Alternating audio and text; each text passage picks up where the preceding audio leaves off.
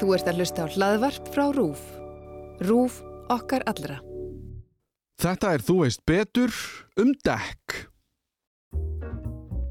þá var þetta bara eitt af bara stórkostlegustu uppfinningunum sem komu að það eru dekk sem eru umlega loftlaus og þú horfir í gegnum þau eins og staðan er í dag þá getur þú ekki fundið því fullkomna dekk Nú veit ég ekki hvar fólk hlustar á Þú veist betur, en það er líklegt að einhver sé að keira eitthvað í bíl eða hjóli, mögulega flugvél, kannski verið að keira eitthvað um í hjólpurum, hvað veit ég.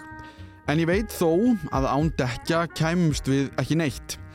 Þessi uppfinning öllu ströngförfum í okkar daglega amstri og við könnumst öll við máltakið að þurfa ekki að finna hjólið upp á nýtt. En þó við pælum ekki mikið í þeim fannst mér mikilvægt og mjög áhugavert að aðtuga aðeins meira. Ég fekk til mín Björn Kristjánsson sem veit meir um dekk en ég í raun hjælt að væri hægt að vita og áður en við byrjum á sögunni heyrum við kynningu frá viðmælandarum sjálfum. Björn heit ég, vinn sem tæknir ágjöfu hjá félagi íslenska bifræðanda hefur unnið þar senastu fimm ár og er að sinna fjölverkum verkefnum gagvart uh, félagsmunum sem að ringja inn með ímiskona vandamál eða spurningar tengda bílunum eða umferð Eitt af eh, stærstu verkefnunum sem ég er að kljást við núna í haust er að svara spurningum frá félagsmönnum sem að er að velja sér akkurat dekk og hvað skuli nota.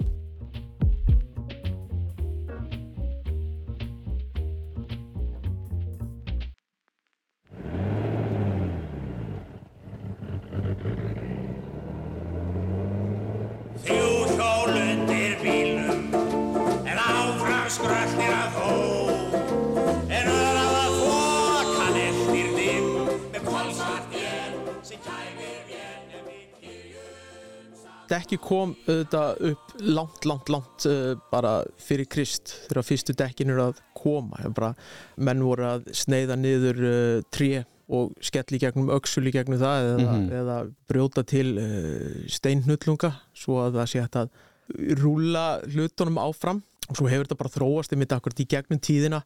Síðan voru mennfarnir að hérna, komin í timbrið á hestvagna og annað sem við þekkjum svona úr fyrir tíð. Og svo farið að akkurat að bæta utan á þetta annarkvort hérna, til dæmis voru menn farnir að nota gjarðir stáli til þess að uh, hindra það að timbrið slitnu upp. Og svo auðvitað að farnir að reyna að bera á þetta hérna, gúmikvoðu úr gúmitrjánum þá líka tilhörni með að nota leður bara til þess að hlýfa hérna, dekkjónum og að reyna að ná upp einhverju mýkt. Og menn komist ágætlega áfram með þetta í ákveðnum svona full, til af tilraunum þar sem að var verið að nota akkurat gúmið í hérna, gegnhilt gúmi og, og þetta var um eitt hugsa til þess sérstaklega að, að auka á þægindin þegar að dekkin voru notu því að vera á hérna og hörðu dekki á grófu yfirborði þetta var ekki, þetta var ekki góð, góð skemmtun. Nei, þetta var ekki þægilegt. Nei, þetta þótti ekki þægilegt. Og það var eiginlega, þetta fór eiginlega fyrst að rúlla með hérna, þegar reyðhjólinn voru að koma fram svona í mið, mitt 1800 að, að, hérna, að þá fóru menn virkilega að leika sér með gúmið, uh, þá fóru slöngurnar að koma fram Mm og þá var hérna þá fór þetta svona að nálgast dekki sem við þekkjum í dag.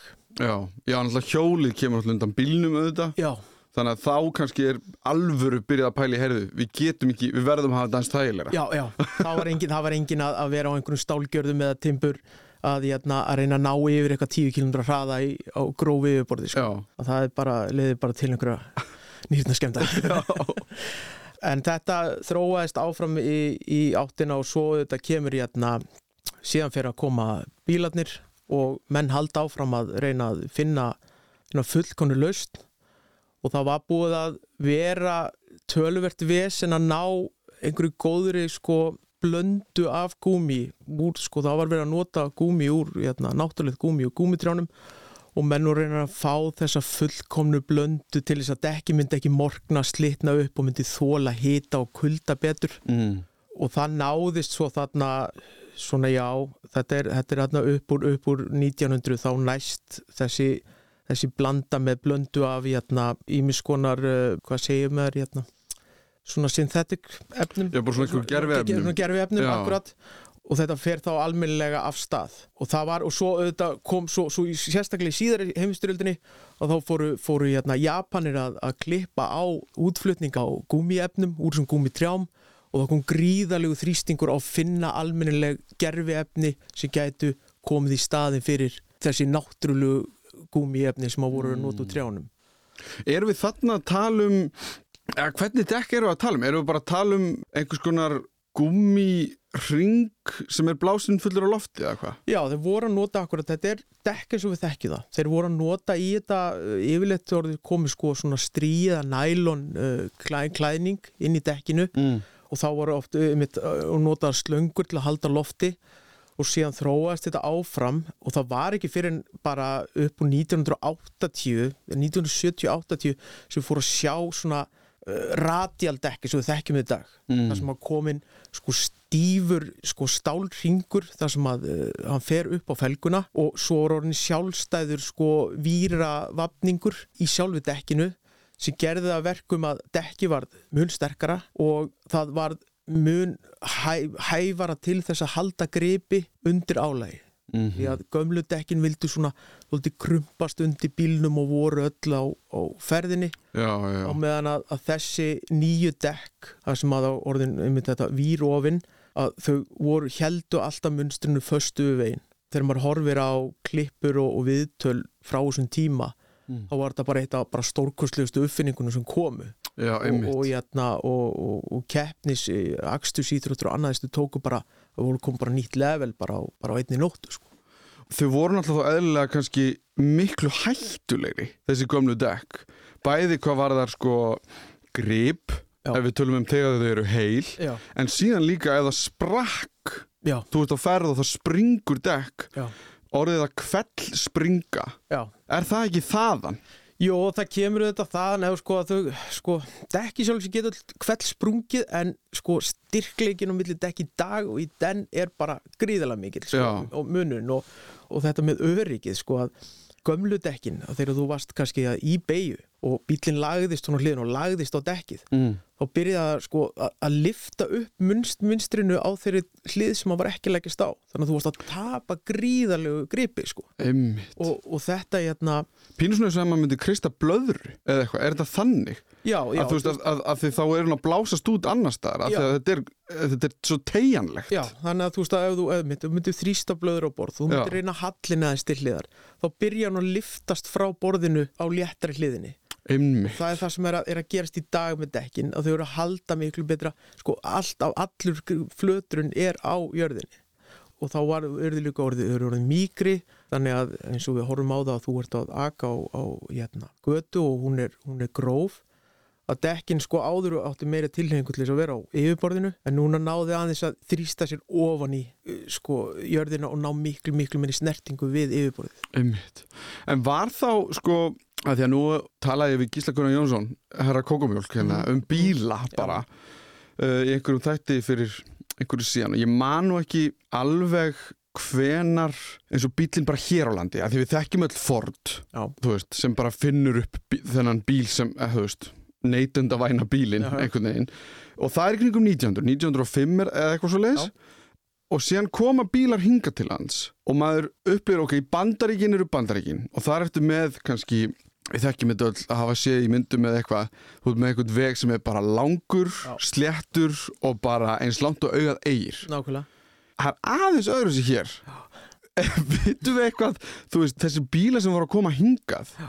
þeir hljóta bara að hafa verið að brenna dekk eins og enginn var í morgundagur með að við bara stundum kerum, keri ég út á landi eða eitthvað Já. og hugsa bara, heyrðu, það er að fara að springa undan bílnum þetta er bara, það getur ekki verið að hann þóli þetta hnjask. Þetta er, þetta er nefnilega sko, þetta voru, þetta voru gríðarlega ævindiramenn. Já. Það voru þetta í upphæ já, og voru að djöfla þess að hafa að reyna að koma um bíl, veist, bara, bara á milli sveitafélag og þetta var bara því líka verkefnið. Og, og, hérna, og þegar maður er akkurat að sjá myndir og heyra sögur frá þessu þar sem að það er bara verið að, sko, þú kemst kílómetri og svo þarf að skipta um dekk og það brotnar sko, þetta, dekkin á þessu sko, felgutur úr timbri þannig að þetta, þetta þoldi bara, bara nánast ekki neitt í þessu voru þær úr ævintýri- timbri? Já, fyrstu dekkin af felgurnar sko. Og- þannig að þú ert með frekar bara hvað að segja, viðkvam dekk Já, á enn viðkvæmari felgum Já. Þannig, að- og, og við akkurat vorum að böðlast með þetta á einhverjum hestastígum og komast yfir ár og hvað eina sko. þannig að, að þetta voru bara ákveðni frumkvölar að upplifa einhverja svona ævintýra þrá og, og svona þekkingar Við þekkjum líka þetta fólk, þetta er svona fólk sem fýlar að vesenast. Já, já, það þekki og það þarf þetta alltaf að fá alltaf einhverja svona aðila til þess að koma sögunni áfram sko. Já, já, Annars- annars myndi algjörlega Ég myndi ekki nenni þessu, það er einu sem ég já, er að já, segja. ég- nákvæmlega. Þannig að, að maður þetta bara svona eftir að þá dáist maður að því og þakkar bara fólki fyrir að, að stúsast í þessu sko. Já, en eins og að, bara því hún nefndir felgunar og þær hafa verið úr tré það hlýtur þá að hafa skipt líka málið einhvers konar dempun í bílunum, en hún hefur heldur ekkert verið neitt sérstök. Nei, nei, hann var bara allt, öll reynslan á fyrstu, í fyrstu jæna, keislu kemur bara frá hestögnum Já. þá vorum við að tala um að, þetta var bara á fjadrablöðum og, og, jæna, og reynd svona að tempra þetta sem kemur upp í, í vagnin en, en þá ertu bara svo bundin af því að, að, að hraðin má ekki vera neitt neitt. Nei, þá, einmitt. þá, þá fer þetta allt bara til fjandans. Já, og svo, svo fyndið mér að segja sko frá því dag að, að, að Malaveir að ég vissi af einum sem kom hérna heimsækja uh, umboð uh, hérna heima sem var uh, yfirmaður í, í framleiðslu á, á bara mikið þekktum bílum hérna, hérna fyrsta sem hann gerði þegar hann kom til Ísland "Má ég- getið þið farið með mig á Malaveig ég hef aldrei kyrt á Malaveig já, og maður hugsa sko í dag bílar sem eru framleitir þetta er að miklu leiti aldrei hugsað almennilega fyrir malaveg akstur og hvað þá að vera AK 80 km hraða á möl. Já, við Íslandingar erum bara svolítið sér á báti og við- okkur þykir þetta eðlilegt. Mm en að sjá útgangin á nýjum bílum sem eru búin að vera í malaveg akstri og ég maður sér það strax þessi bíl var ekki hugsað fyrir þetta. Það er bara að, að hvernig steinkast er á bílnum og allt þetta álag. Bílar kom ekki lengur með varatækjum. Það er bara tilfallandi. Já, það er ekki bara gert ráð fyrir að springju og ef það springu þá áttu bara að vera svona þokkulega eðlugum stað, þú ert ekki að vera einhverstur upp á heiði þar sem að eru eða- einhverstur bara í, í rugglinu sko. Og við hjá, hjá bara FIB við erum með vegaðstof og við erum að aðstofa mikið af hérna, erlendum bílaklubum Mhm. og ótrúlega mikil umferð til dæmis af, af hérna, ferðalöngum sem koma eigin bílum frá Hollandi og Þýskalandi núna í sumar. Mm. þeir vita ekkert hvað er að gerast sko, þeir eru að keira hérna á vegunum á húsbílunum sínum grófu malavegum. Þetta er bara, þannig að, að maður þar stundum að setja sér svolítið í stellingar og hugsa þetta svolítið út frá sko, því að ef maður er elst upp við það þá er maður kannski ekki alveg átt að sjá Já, ég meina þegar ég tók bílprófið þá bara herði, sem fyrir við hérna út á Malaveg og þá þurfti að æfa það að gera þar já, já, það, Það var bara eðlilegt. akkurat. og það sko, já, heyrðu, ég var að koma með nýjan bíl og bara, er ekki mörg ár síðan þú getur Volvo og þú fjestu stóra grjótgrind á Vistu, bara, Já, til þess að, að, hérna, að þú var ekki að fara að brotna ljósin og, og tilrandi í bíliðinu sko. Þannig að við erum ennþá, við erum ennþá svolítið svona mörgum árum og eftir varðan til þessu vegi. Já, já, Bílatir eru, eru löngu búinir að fara fram og því að vera eitthvað að hugsa þið til þess að keira langtímum saman á möl. Og eins og sé hvað þá 80 km hraði, þetta er, þetta er rosalegur hraði á malavi já, fyrir nútíma bílinn sko. einmitt. Nú höfum við farið aðeins yfir söguna Þið getið rétt ímyndað ykkur hvernig það hafi verið að þvælast um á viðkvæmum gummidekkjum sem var tróðið utan um trefelgur hérna fyrir á tíðum. Það getur ekki hafi verið neitt sérstaklega þægileg ferð eða góð fyrir hrygg og raspein. En það er í kringum 1980 þar sem við förum að sjá miklar breytingar varandi dekk. Spurningin er þá líklegast hvort að eftir það séum við farin að tala um nútíma dekk. Það er eiginlega þarna sko sem að við sjáum dekkið eins og er í dag. Já, eru þetta gríðarlega mikið af breytingum sem að hérna, er að gerast á bakvið dekkið? En, en svona fyrir en almenna neytenda mm þá er dekk bara svartu gúmiringu sem þú þarft að setja undir bílinn og þetta þarf að vera í lægi en þróunin í dekkjum er búin að vera gríðarlega mikil. Og það sem að er kannski ef ég svona spóla alveg fram í það sem bara svona senasti áratugur mm. þá er mikil hérna, breyting bara gagvart rafbílum og dekk. Rafbílar var að þingjast mikið uh, með við venjulega fólksbíl Mm það voru mikið hérna, svona áherslu á það að, að dekkin séu fann að þóla þetta betur viðnám er eitthvað sem var ekki svo mikil áherslu lögð á Erum við þetta viðnám í, eins og í sko rafviðnám? Að þetta er að snúast og já bara viðnám við veginn, bara hversu auð snúanlegt er dekkið. Hversu miklu orku þartu til Já, þess að snúa? þannig að eins og ef við tökum dekk sem hefur loftlust og miklu þingra fyrir bílinn að keira það áfram. Mhm. bara eins og reyðhjóli og menn er að reyna að ná sem allra minnsta viðnámi við veginn bæði með því að breyta munstri breytt á dekkjum og öðru. Og svo þetta er, er jæna, vegnýr eða hljóðið sem að dekkið mundar bæði upp í bíl Mhm. og svo líka út frá sér. Því að þetta er þetta hljóð mengun. Já, og mengun í hljóði er orðið bara mjög stórt eh, svona atri, menn er farin að hugsa mikið út í þetta í stórborgum að það sé ekki mikill háfaði frá bílum, þú ert komin rafbíl. Já. Og þú vilt líka minga háfaðan frá dekkinu.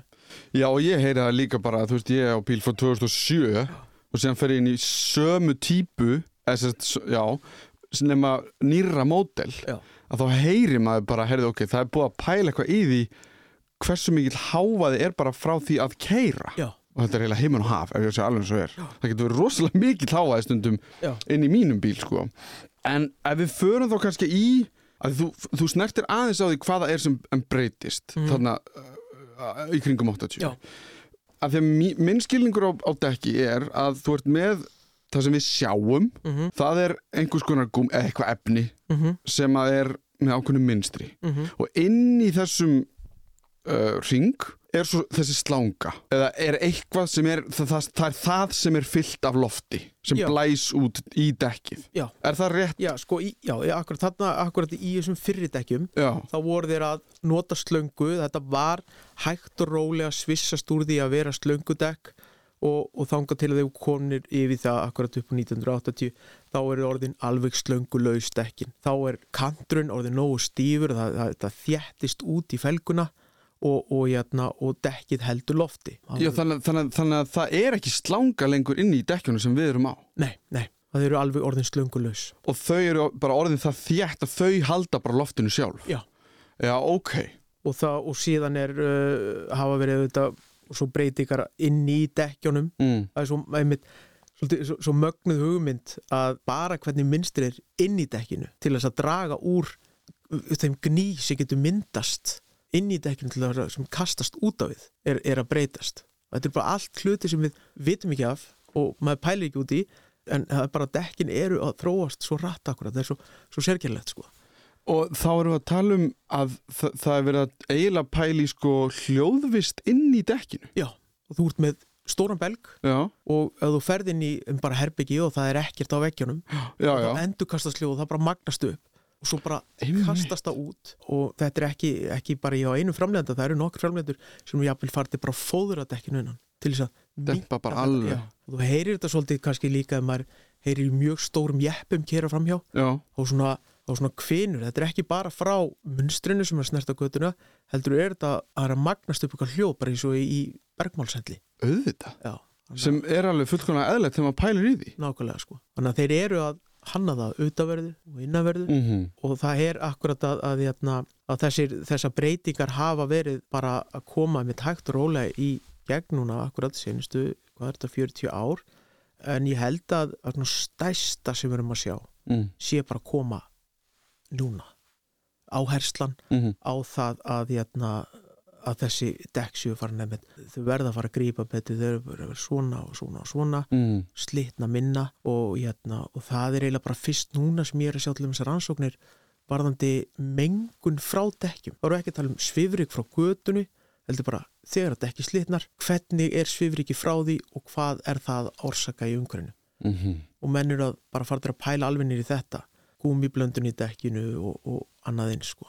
En úr, að þú segir gúmiblönduna hvað, hva, hver eru þessi efni? Því við erum klárlega ekki með nóg marga gúmiplöndur til þess að geta gert Já, 100% gúmidekk nákvæmlega. Þannig að hvað er aðal undirstaðan í auðvitað er það kannski breytilegt þetta framleiðendum og allt þetta, hlýtur að vera en, en er eitthvað svona sem er í flestum eða hvað? Sko, þeir eru að nota eitthvað í kringum kannski 20% af náttúrulegu gúmi í dekkin. Já. Síðan eru menn að koma með ímiskonar gerfi gúmi efni, plast Mhm. að koma og kannski sér meira plasti í ódýrari dekkjum. Mm -hmm. Plastið eru ódýrara og, og, og, jæna, og, og er svona meiri tilnefing að dríja það með því sko. Já, Og svo ertu með stál í dekkjunum og þú ert með ímiskonar. Ég held að dekk séu byggð upp á einhverju 10-20 tegundum af efni við sko já, já og þess vegna hérna, hafa menn stundum talað um að það getur verið svolítið erfitt að, er erfitt að endurnýta þau, að, sko, að skilja þau svo að eftir að það er búið steipaðu saman. Einmitt. Það er líka einn má- þáttunum sem menn er að finna lausnir á hvernig er hægt að setja dekk saman svo þessu auðvelt að, endur, endurvinna það. Sko. Og þetta, þessar pælingar, bæði hljóðið, uh, mengunin, ekki bara söfriki heldur bara frá dekkinu sjálfu, uh, endurvinnslu og allt þetta. Mm. Ég veldi bara fyrir mér að þetta getur ekki verið í raun hagkvæmt fyrir dekkjaframlendan að vera að pæla í þessu. Er þetta þá reglugerðir sem eru verið að koma með sem er bara, herðu, þið þurfið að pæla í þessu bara fyrir samfélagsheill eða skilur mig? Já. Er, þetta, þetta, þetta er þaðan komið? Já, það er svona, já, hálft í kvoru. Mm Mhm. Evrópusambandi hefur verið að þrýsta á þetta og það er bara núna síðast 2019 þar sem að þeir settu skilur um það öll dekk sem eru seld uh, í Evrópu Mm. að það skal vera miði á þeim þar sem þú getur lesið það og auðvitað máta hversu mikinn háaða þetta dekk já, út frá sér einmitt. svo þú getur tekið upplýst ákvörun vissulega, jújú, jú, það eru svona kannski meira prímjum eða svona dýrari framlendur sem að eru að reyna að vera með samfélagslega ábyrð og, og, Mm og draga úr efnistótkun en ég held að svona þegar botnir er kvöld að, að þá mun þrýstingurinn verða að koma frá neytendanum -hmm. og svo frá lögjáfanum já, já. og þannig að, að það verði þá koma breytingatar í ljós Já. en það er því miður þannig að, að, að í ákveðnu breytingum að þá verða menna þess að fara að draga úr sko örygginu sko eins og Já. nagladekk eru öryggustu dekkin við ákveðna aðstæður en þau eru líka hávarustu dekkin við ákveðna aðstæður já, já. Og í nánast öllum aðstæðum og svo er uh, sérmað það að það eru bílaframlendur svo Volvo þeir að leitast við að finna við fullkomna heilsastekk þar sem þú getur fengið bara það besta og be- beggja vegna í báðum árstímum. Er það hægt? Nei, það er nefnilega málið eins og staðan er í dag þá getur ekki fundið því fullkomna dekk Nei. ég sko var að skoða heilsástekk sem eru gefin út fyrir All Season Tires Mm. það eru dekk sem eru gefin út fyrir Spán og svona mið-Evrópu Mm. þau dekki myndi ekki dett í hug að keira inn í veturinn á þessum dekkjum Nei. þau eru ekki eftir að standast okkar vetrarkröfur og til þess að vetradekk sé gott þá þarf það að vera með ákveðna gúmiblöndu svo að það stípn ekki upp Í frysta. Já, já, einmitt. Og til þess að það ekki þá er það morðið mjög mjúkt Mm en svo þegar þú dettur í 5 gráða veg hitta, 10 gráða veg hitta þá fyrir þetta bara að verða eins og tyggjó og, og þá hérna, þannig að þú verður ert alltaf að kljást við þetta að finna hið draumadekkið En sko, nú komum við eiginlega að, held ég, það sem að flest eru að pæli. mm -hmm. Og það er bara, hvað er gott dekk? Ég held að ég sé á heilsástekkjum. Ég ætla að viðurkenna það. Það er mjög leðalt að segja í, í beint í kjölfæra á Mhm. Já, já, já. þessu. En ég, ég bara held það. Það eru cirka tvö ár síðan ég kefti það, kefti þau. Og ég kefti, þú veist, ég held ég að við borgaði 80, eða þú veist, þetta voru dýr dekk. Mér fannst þau mjög dýr já, að kaupa fjögur dekk á svona mikinn pening. En mér var sagt bara, þetta ætti að ganga Mm þetta er bara flott merki ég get ekki eins og sponsað því mani hvað merki heitir og það, það, bara, það ætti að ganga bara í flestu. Mhm. nákvæmlega. Og það hefur gert það í tvö ár. Ég hef kert út á land að vetri til og það hefur bara verið fínt. Ég fer varlega, ég veit að ég er ekki á nagladekkjum eða eitthvað. Já.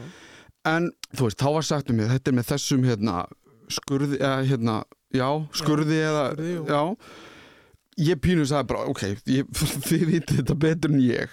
Ég ætla að treysta ykkur sko og ég er að borga fyrir eitthvað sem er þetta mikið þetta hlýtur að vera gott. Mhm. af því ég veit að ég get farið eitthvað og keft fyrir helmingi minna já, og það er líklegast einhverstaðar verið að skera niður þar. Já, þannig að sem mín spurning er ef að ég hef ekki efna á að kaupa sko sumadekk fyrir 80 skall Já. og vetradekk fyrir 80 skall af því það er bara kostnaður og hvar á ég ekki að þetta og eitthvað. Mhm. þú þarft ekki að segja að kaupið svona dekk en eftir hver, hverju er maður að leita? Hvað er maður að horfa á sko, þetta er nefnilega þetta er, þetta er, er stóra orðið, sko, þarfagreining. Já, Það er alveg, þetta er, þetta er, þetta er magnað sko, og og ég skilða, þetta er, þetta er svo mikil frumskór. Þú kemur inn á dekkjastæð þú sérð bara svört dekk. Það er ekkit, bara hvað átt að velja og, og það er alveg eðlilegt að þú bara treystir á það sem þér er sagt. Mm -hmm. sko, heilsustekk sem slík sem seldir á Íslandi eru vetradekk annars staðar í, nei, heiminum bara. Já, já, og ég, ég veit ekki að ég hef alveg keift með heilsustekk og ég keiri á þeim og, og ég keiri gegnum eitt vetur, sumar, vetur og sumar. Mm og, og þá eru þau svona orðin þokkalega vel slitin. Og það er já í sjálfsög ekkert að því en, en fó, ég fór að sjá sko að eins og hvort það verið sensum að þar sensum að það var alveg gríðalegur hiti á Norðurlandi. Svo fór fólk að ringja inn bara á hausti til þess að herði ég kefti dekkin og þau eru bara handónit, ég var bara svikin í dekkikum og þá var kannski veghitin að detta 25-30 gráður upp dekkin voru gerð fyrir kannski jæna, mínus 10 og 15 gráður frost mm og, og svo stendur frá framlegandi ekki notaði í meir en 5-8 gráðum. Og svo bara fóruð að keira á 190 km hraða og þetta orðið eins og tyggja og þetta bara spændist upp á núleitni Ég þau bara slitt alveg sko. Já, og bara fóru og þú ert á bíl sem orðinn þungur og hann er hlaðinn af fólki og, og það, það var svona einn af svona, svona, það var alveg áberandi alveg þetta sumar, mm hvað þetta fór hratt hvort það sé að segja sig til eitthvað fullkomið dekk, þá get ég ekki sagt það sko. Að, að, jæna, en Í fullkomum heimi ættu við að kaupa bæði, er það ekki? algjörlega, Já. í fullkomni heimi þá bara ættir að, að kaupa bæði og þú getur meiri sér að fara því þrjá umgangu að vilta Já, eitt fyrir haustið, eitt fyrir sömarið og svo eitt fyrir veturinn. En, jæna, en þetta, er, þetta er mikill kostnað sem fylgir því að vera að skipta. Mm og ég hef akkurat sagt það við fólk þegar að ringja í mig í jæna, FIB að, að, að þú ert að kaupa dekk. Og þú ætlar að keira á þeim jafnvel kannski, þú keirir mjög lítið og ætlar að keira á þeim bara í þrjú ár.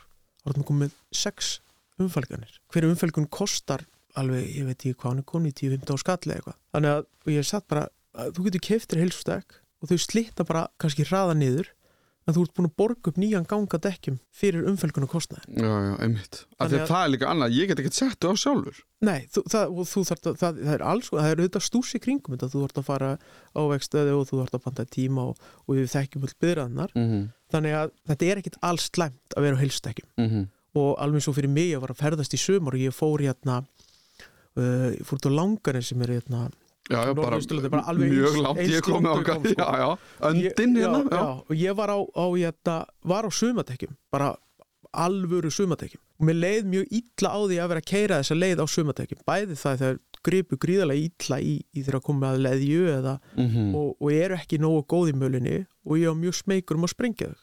Í þeirri ferð hefði ég allan daginn kosið þess að vera á bara vetratekjum þannig að ef maður er á ferðalegi og það ætlar að fara að keira vestfyrirna sumatíman, þá er bara alveg eins gott að vera á vetratekjum eða hilsustekjum eins og við köllum það sko. Já, ég meni, ég fór á flateri bara í sumar Já, og það er ekkert djók, sko Nei, og þannig að, að, vera á þessum alvöru sumatekjum sem eru, sem eru, orðin mjög stíf, þau eru gerð fyrir hraðbrytakstur, að þá, þá er, ertu bara búin að auka líkundræði að sprengja umtalsast mikið.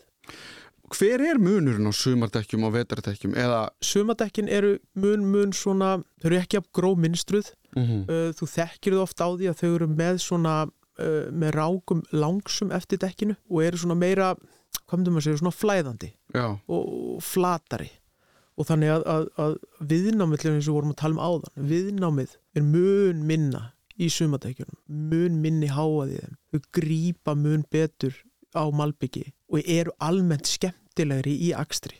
Finnum maður alveg munin alveg, já, Já, já, það er bara ef, ef maður, ef maður held ég hef aldrei átt sumardekk Nei, akkurat, sko, ef, ef maður hefur áhuga á þessu að, að velta þessu fyrir sér þá finnur við mun alveg tímanlust mm -hmm. og, og þau grípa vel í, í á blöytu malbyggi og annað. Og meðan að sko koma vetradekkin þau eru mun grófara munstur þau eru orðin, mörgaðum eru orðin svona mikroskorin eða flipaskorin þannig að þú sérð það er svona eins og þessu skorin en þú sérð samt ekki á milli rákana í þeim. Já, og, og jæna, minnstrið er svona frekar svona, segjum að random mm að þau eru að mis, mitt og akkurat.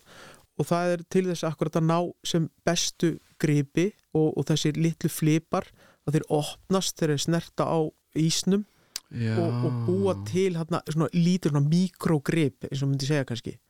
Virkar þetta? Því ég hugsa bara, þú veist, ef þú ert á 80 km hraða þá er ekki að snúast mjög hratt. Mm -hmm. og í stundum horfi ég á þessar rákir og allt þetta dót og hugsa bara glætan. Glætan að þetta sé að gera eitthvað á svona miklum hraða. Þetta er að snúast mörg þúsund sinnum á eh, eitthvað, ég, bara, Já. þetta er að snúast mjög hratt. Já. og þannig að þetta er að gerast þetta er að snerta jörðina á einhverju sekundubróti eða eitthvað. Og ég hugsa bara, ég held þetta sé eitthvað gimmick bara, það sé verið að segja mér að þetta gera eitthvað.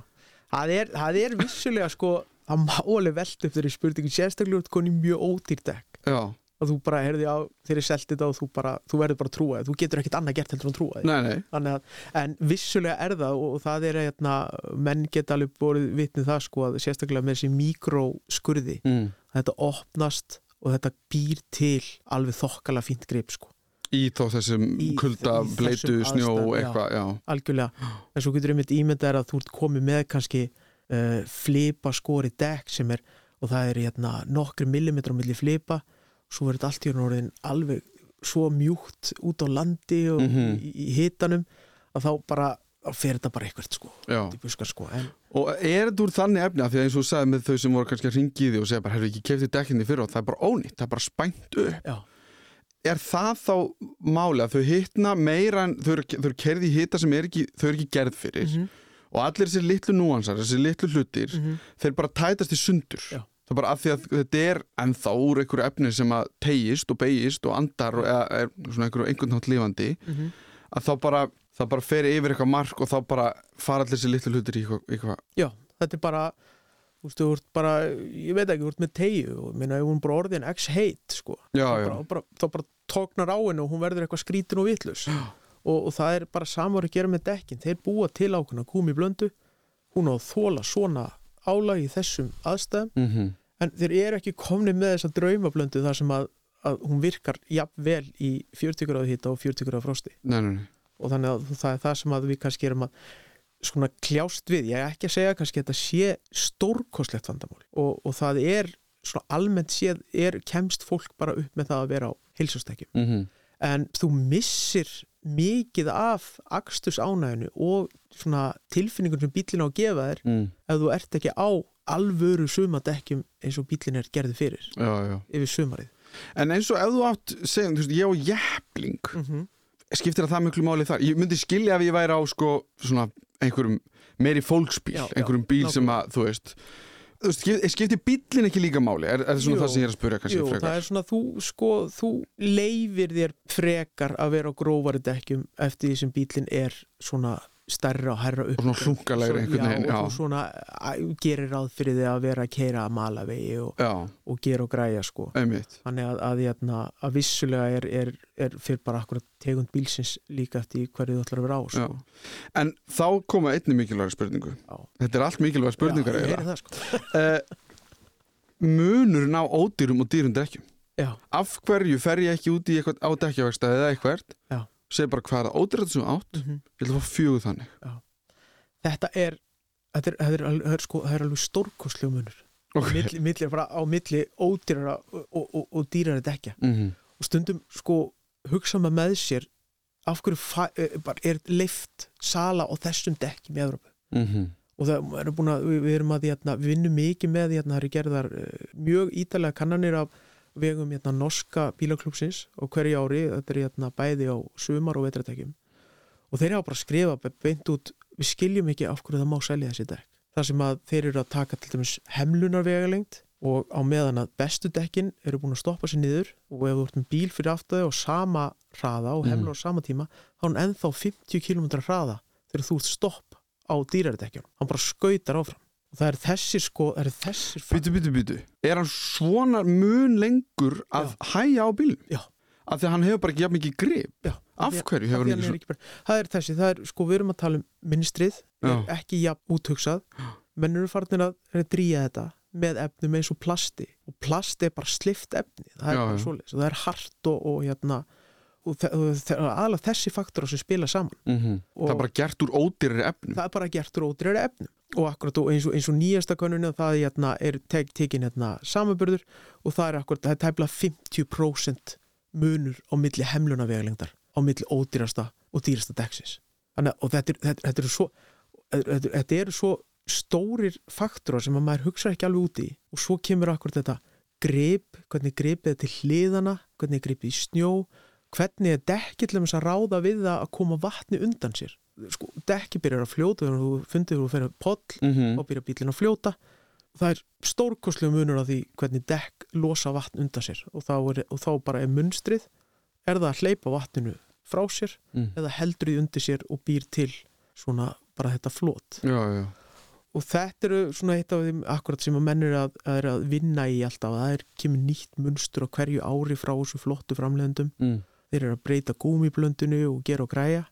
Eins og við tökum til hans nókjandekkin þau eru svona top of the line þeir eru alltaf í, í efstu, efstu, í, hérna, efstu flokka yfir, yfir vetradekk Mm.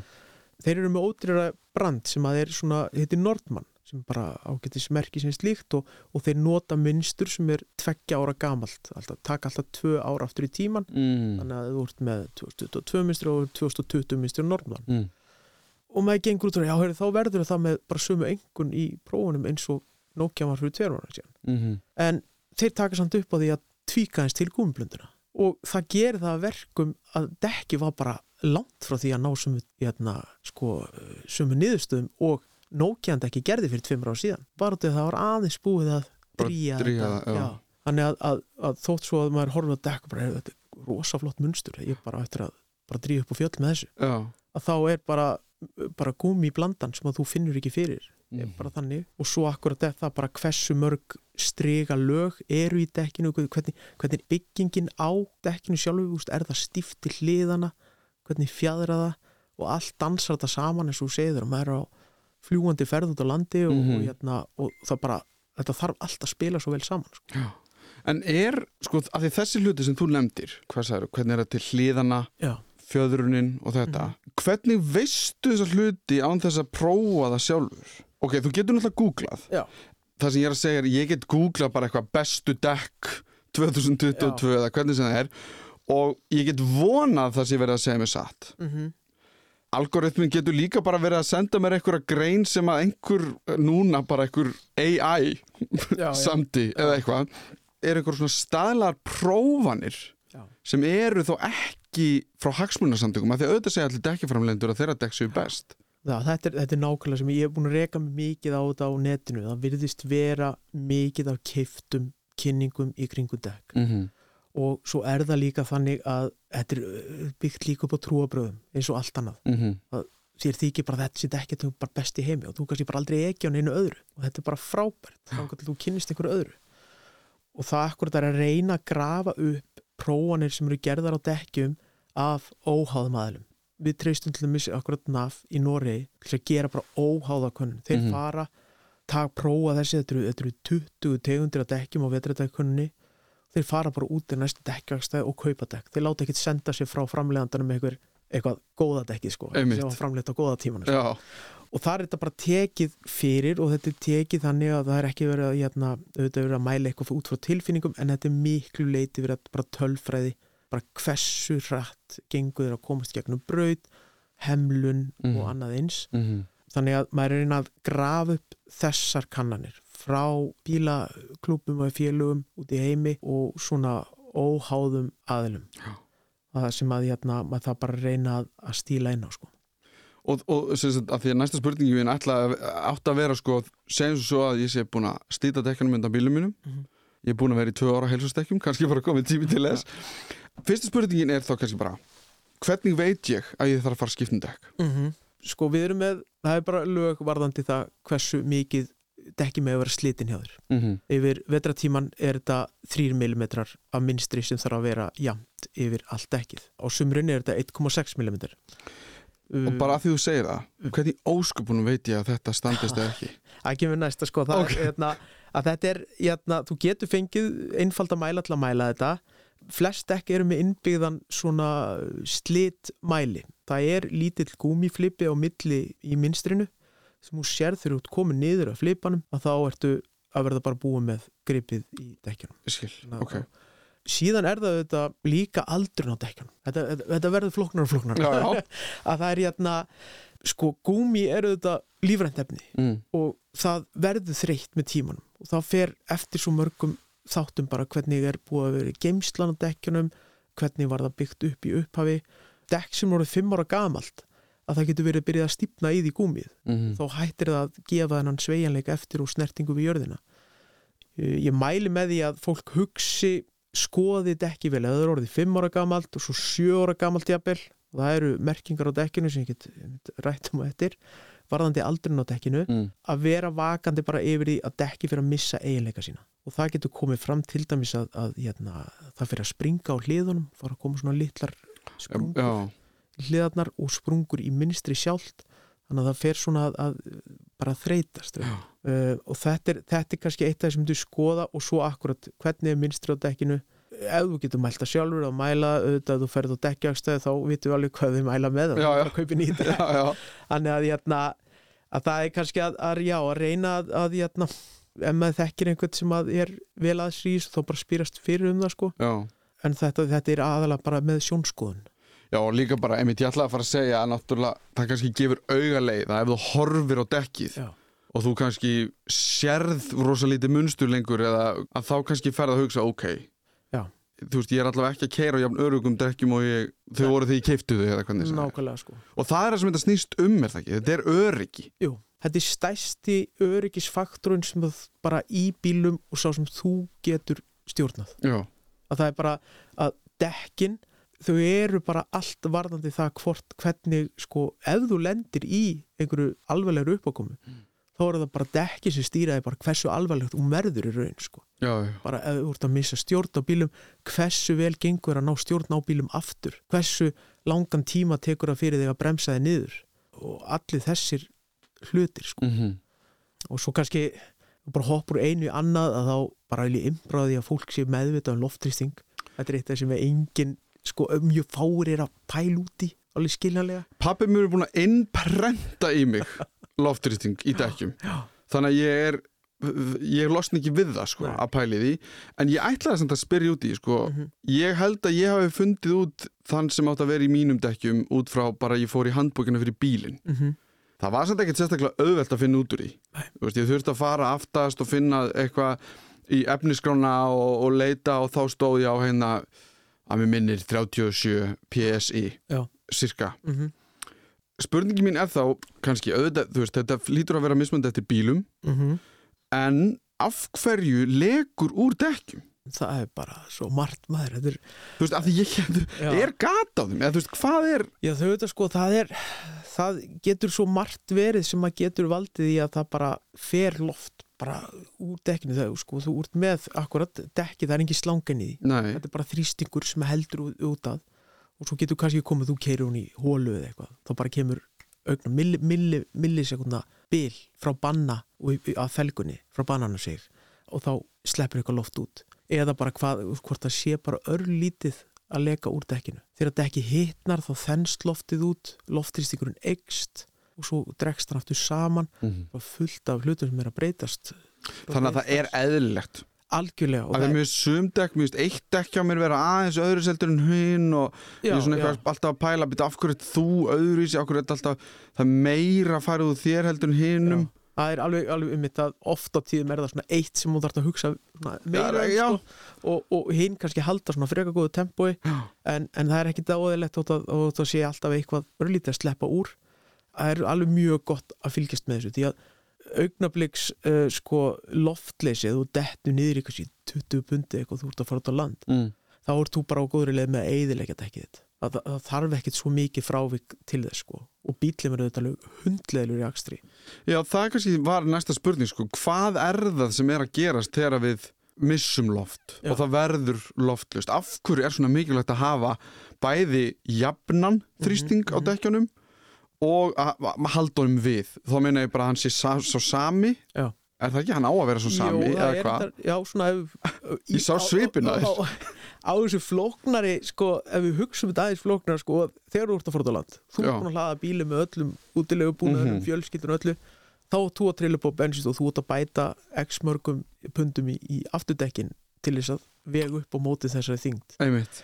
Eru kannski ekki allir sem eru á hlaupandi á eftir þessu bara stoppa og, og dæla í þegar að jæna, maður er að fara út á land og, en, en eh, svona undir, í, svona draumaheimi Mhm. þá er hærri þrýstingur að aftan ef það er mikil hlæðsla á bílum það er til þess að vega upp á móti því að því að munstrið á dekkinu á bílum það liggur alltaf flatt á.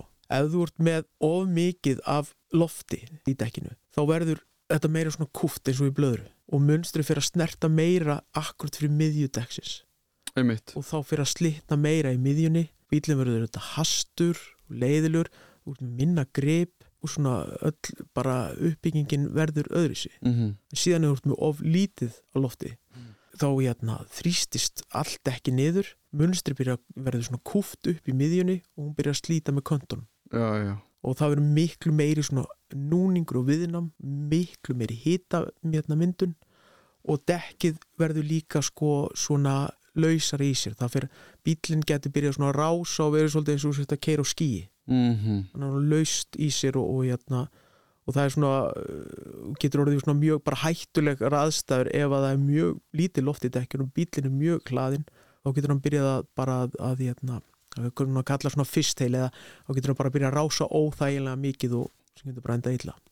Þannig að þú vilt hafa bara þennan rétta sem bara þú ert að kera venjulega ekki út á land eitthvað, Mhm. þá viltu hafa jafnan loftristing bara til þess að þú sért með jafnt grip á öllum dekkjum. Já, og að bílinn bregðist rétt við í beigjum og annaðins, þú vilt ekki að dekkið leggist bara einhvern veginn undir bílinn Mm þegar þú ferð í krabba beigju og varðandi, varðandi með loftrýstingin hann er yfirleitt inn í á svona aðgengilu stað inn í hurðastafnum, jafnvel inn í bensinlokinu hurðastafnum og farþeganum. -hmm. þannig að þú getur átt að geta nálgast hann svona tiltölu auðveldan hátt á þess að þú eru að rífa upp bókina. Ok, það er gott að vita það núna. ekkert máli, ég vona að fóra svo fimm mínútur tilbaka. Að það er hérna en það er akkurat sérst hvernig loftrýstingur á að vera um hérna miða við hlæðslu í bílum. En, hérna, en það er eins og ég sé að það er kannski ekki allir sem er að hlaupa eftir þessu rjúka til og, og bæta í dekkin en, en ef maður er svona fyrirmynda aukum að þá gerum maður það Ef við ætlum að vera með þetta algjörlega á hreinu þá eigum við hugsanlega þrjú sett af dekkjum fyrir haust, vetur og sumar og pössum að loftþrýstingur í þeim öllum sé réttur fyrir ferðina sem við erum að halda í. Ef við höfum ekki pláss, hvorki í buttunni nýja geimslunni fyrir öll þessi dekk, er hægt að finna sér góð heilsársdekk sem eru auðvitað ekki fullkominn. Það er ekkert til sem heitir þið fullkomna dekk muniði, en þau hægt að virka í flestum aðstæðum að minnstakosti. En pælum nú aðeins í framtíðinni. Hvernig geti næsti umgangur af dekkjum verið? drauma dekkin sem allir vilja fá að sjá það eru loftlusu dekkin það eru komin einhver í sölu og ég hef séð þetta sem var að dekk af ákveðnum þýskum bílum að það eru dekk sem eru umlega loftlus og þú horfir í gegnum þau þannig að þú ert með munstri eins og þú þekkið það og síðan eru við með gúmi sem að er, hérna, er svona eins og, eins og teinar teikt við felguna og þú, þannig að þú getur hort í gegnum og þetta gefur eftir þannig að gefur eftir á einu stað og tógar út hinum einn og það dekkar alveg loftlust og þú þarft ekki áhugir á því að, að það getur sprungið eða annað eins sko. þetta, er, þetta er svona Ég skil ekki neitt svo það segja. Nei, nei, ég- þetta er, þetta er akkurat, þetta er svona akkurat að ég veit ekki hvernig svona hugsar um reyðhjólagjörð Já, hún er með stálteinum. Og við breytum því í gúmi En hvernig helst það þá saman? og þetta er bara, þetta er bara stíft gúmi sem er strengt á milli allan hingin Já. þannig að, að þegar að, því, hérna, að það fjadrar að neðaverðu og þrýst gúmi í Þá er saman það bara einhvern veginn alltaf að... og, og svo tógar það upp á móti. Og þetta hef búið talmynd í mörg ár og ég hef samt hefur haf- hefum aldrei tekist almennilega að koma þessi í einhverja fjöldaframlýslu Mm. og þeir akkurat eru farnir að rífa varadekkin úr öllum bílum dekk eiga teglu, það er bara ekki gert ráð fyrir að það eigi að springa þar og það, við Íslendingar erum ekki þar við, það springur hjá okkur Mm og það springur yfirleitt á vestustöðum Er það ennþá hættulegt? Ég ætla bara að bæta við. Mm. Því ég- stundum er ég með þessa hugmynd gömlu já, í haustnum, það sem það springur og bílinn bara kastast eitthvað og þetta er allt farið bara í já. eitthvað vol. já, já það, er, það er nánast hverfandi Já. að það komi bara þessi stóri kvellur dekk eru farin að ráða mjög vel við að keira loftlös mikið af dekkjum eru svona orðinni hérna, segja svona flat tire sko þannig að, að þú getur kyrt jafnvel einhverja kílómetra á loftlösu dekki það er bara gert ráð fyrir því að Mhm. þú getur gert það Ok. og þau eru orðin það sterk að það verður akkurat ekki þetta að hann kastist fram fyrir sig og tekið svona þrjá, fjóra ringi í loftinu Já, þannig að ekki nema það sé bara eitthvað stórkostlegt í gangi og þá bara er komin einhver stór kúla utan á dekkið og, og þú ættir svona að vera þokkala með þetta um að þetta sé að fara fjandans. Já, einmitt. En, en það eru loftlusudekkin, það er einhvers konar framtíð. já, En að öðru leiti er þetta þá þessir þessi smáatri, eða þessi blanda hvernig, þessi svona lítlu atrið sem við erum alltaf smám saman að bæta já, og auðvitað eldingarleikurinn við því fullkomna hvað segir við, heilsóstekkið það, sko, það er bara draumur, bara það vilja allir komast þangað sko. Þú þurfur aldrei að skipta um dekk undir bílum eða sko ekki nema bara ör sjaldan mm það virkaði allra aðstæður við sjáum til dæmis þessu loftrýsti skinnjara þetta var bara ekki til fyrir bara nokkur mánu síðan. Nei, nú er þetta bara í staðall í öllum bílum. Ég get séð nákvæman loftrýsting í öllum dekkjum hjá mér hvenær sem er Mhm. bara í mælaborinu Já. þannig að þróun verður mjög hröð þegar að það kemur góð uppfinning. Mm og þeir hafa verið akkurat að reyna að búa til svona smart deck sem að segja bara hvenær minnstur orðið bara búið þér. Já, það er, hérna, það er eins og með bremsuklossa í bílum að þeir eru um lítið skinjar inn í honum og þegar að hann er búin að slíta sig inn að skinjaranum, þá kemur ljós bara á þig og vorst að skipta bremsuklossa Mm og þetta er, að, þetta er hugmynd sem að þeim langar líka og hafa alveg náð að integrita í einhver dekk og stóttu sér kannski ekki í fjöldaframislu en það bara þegar að skinjarinn er farin að snerta við súrefnið, vatnið eða loft eða hvað sem er að þá bara færð þú ljós í mælaborðið og þú þarft ekki að vera með einhvern millimetramæli á dekkinu og þetta, ég geti trúið því að þetta verði eitthvað sem við fáum að sjá í framtíðinni að það er minnstur mælir og en loftriðstísmælarnir þessi stafrænu eru konum bara í öll dekk og, og þetta eru, eru stóra breytingar þótt svo að fara lítið fyrir þeim sko. Dekk eru mikilvægasti parturinn af bílnum, eða einn af þeim. Stýrið er örgulega mjög mikilvægt. Ef þau eru ekki í lægi, verður bílinn erfiðar í akstri og jafnvel bara hættulegur. Þó við höfum talað mest um bíldekk, þá gildir þetta auðvitað líka þegar kemur að hjólum til dæmis. Svo gangi úr skugga um að þessi atriði sem Björn nefndi í þættinum séu í lægi, sérstaklega núna þegar það fer að frista og aðstæður breytast töluvert dag frá degi. Vonandi eru þið með betri hugmynd um hvað er mikilvægast að hafa í huga þegar ný dekkur eru keift og getið því tekið upplýsta ákvörðun. Ég vil þakka Byrni Kristjánsinni kærlega fyrir komuna og fyrir að fræða okkur um þetta allt saman. Minni á postin minn allimarachturúf.is ef það eru einhverja spurningar eða ábyrningar. Ég heiti Allimár Steinarsson og þakka fyrir mig. Þetta var Þú veist betur um dekk. Heyrumst í næsta þætti.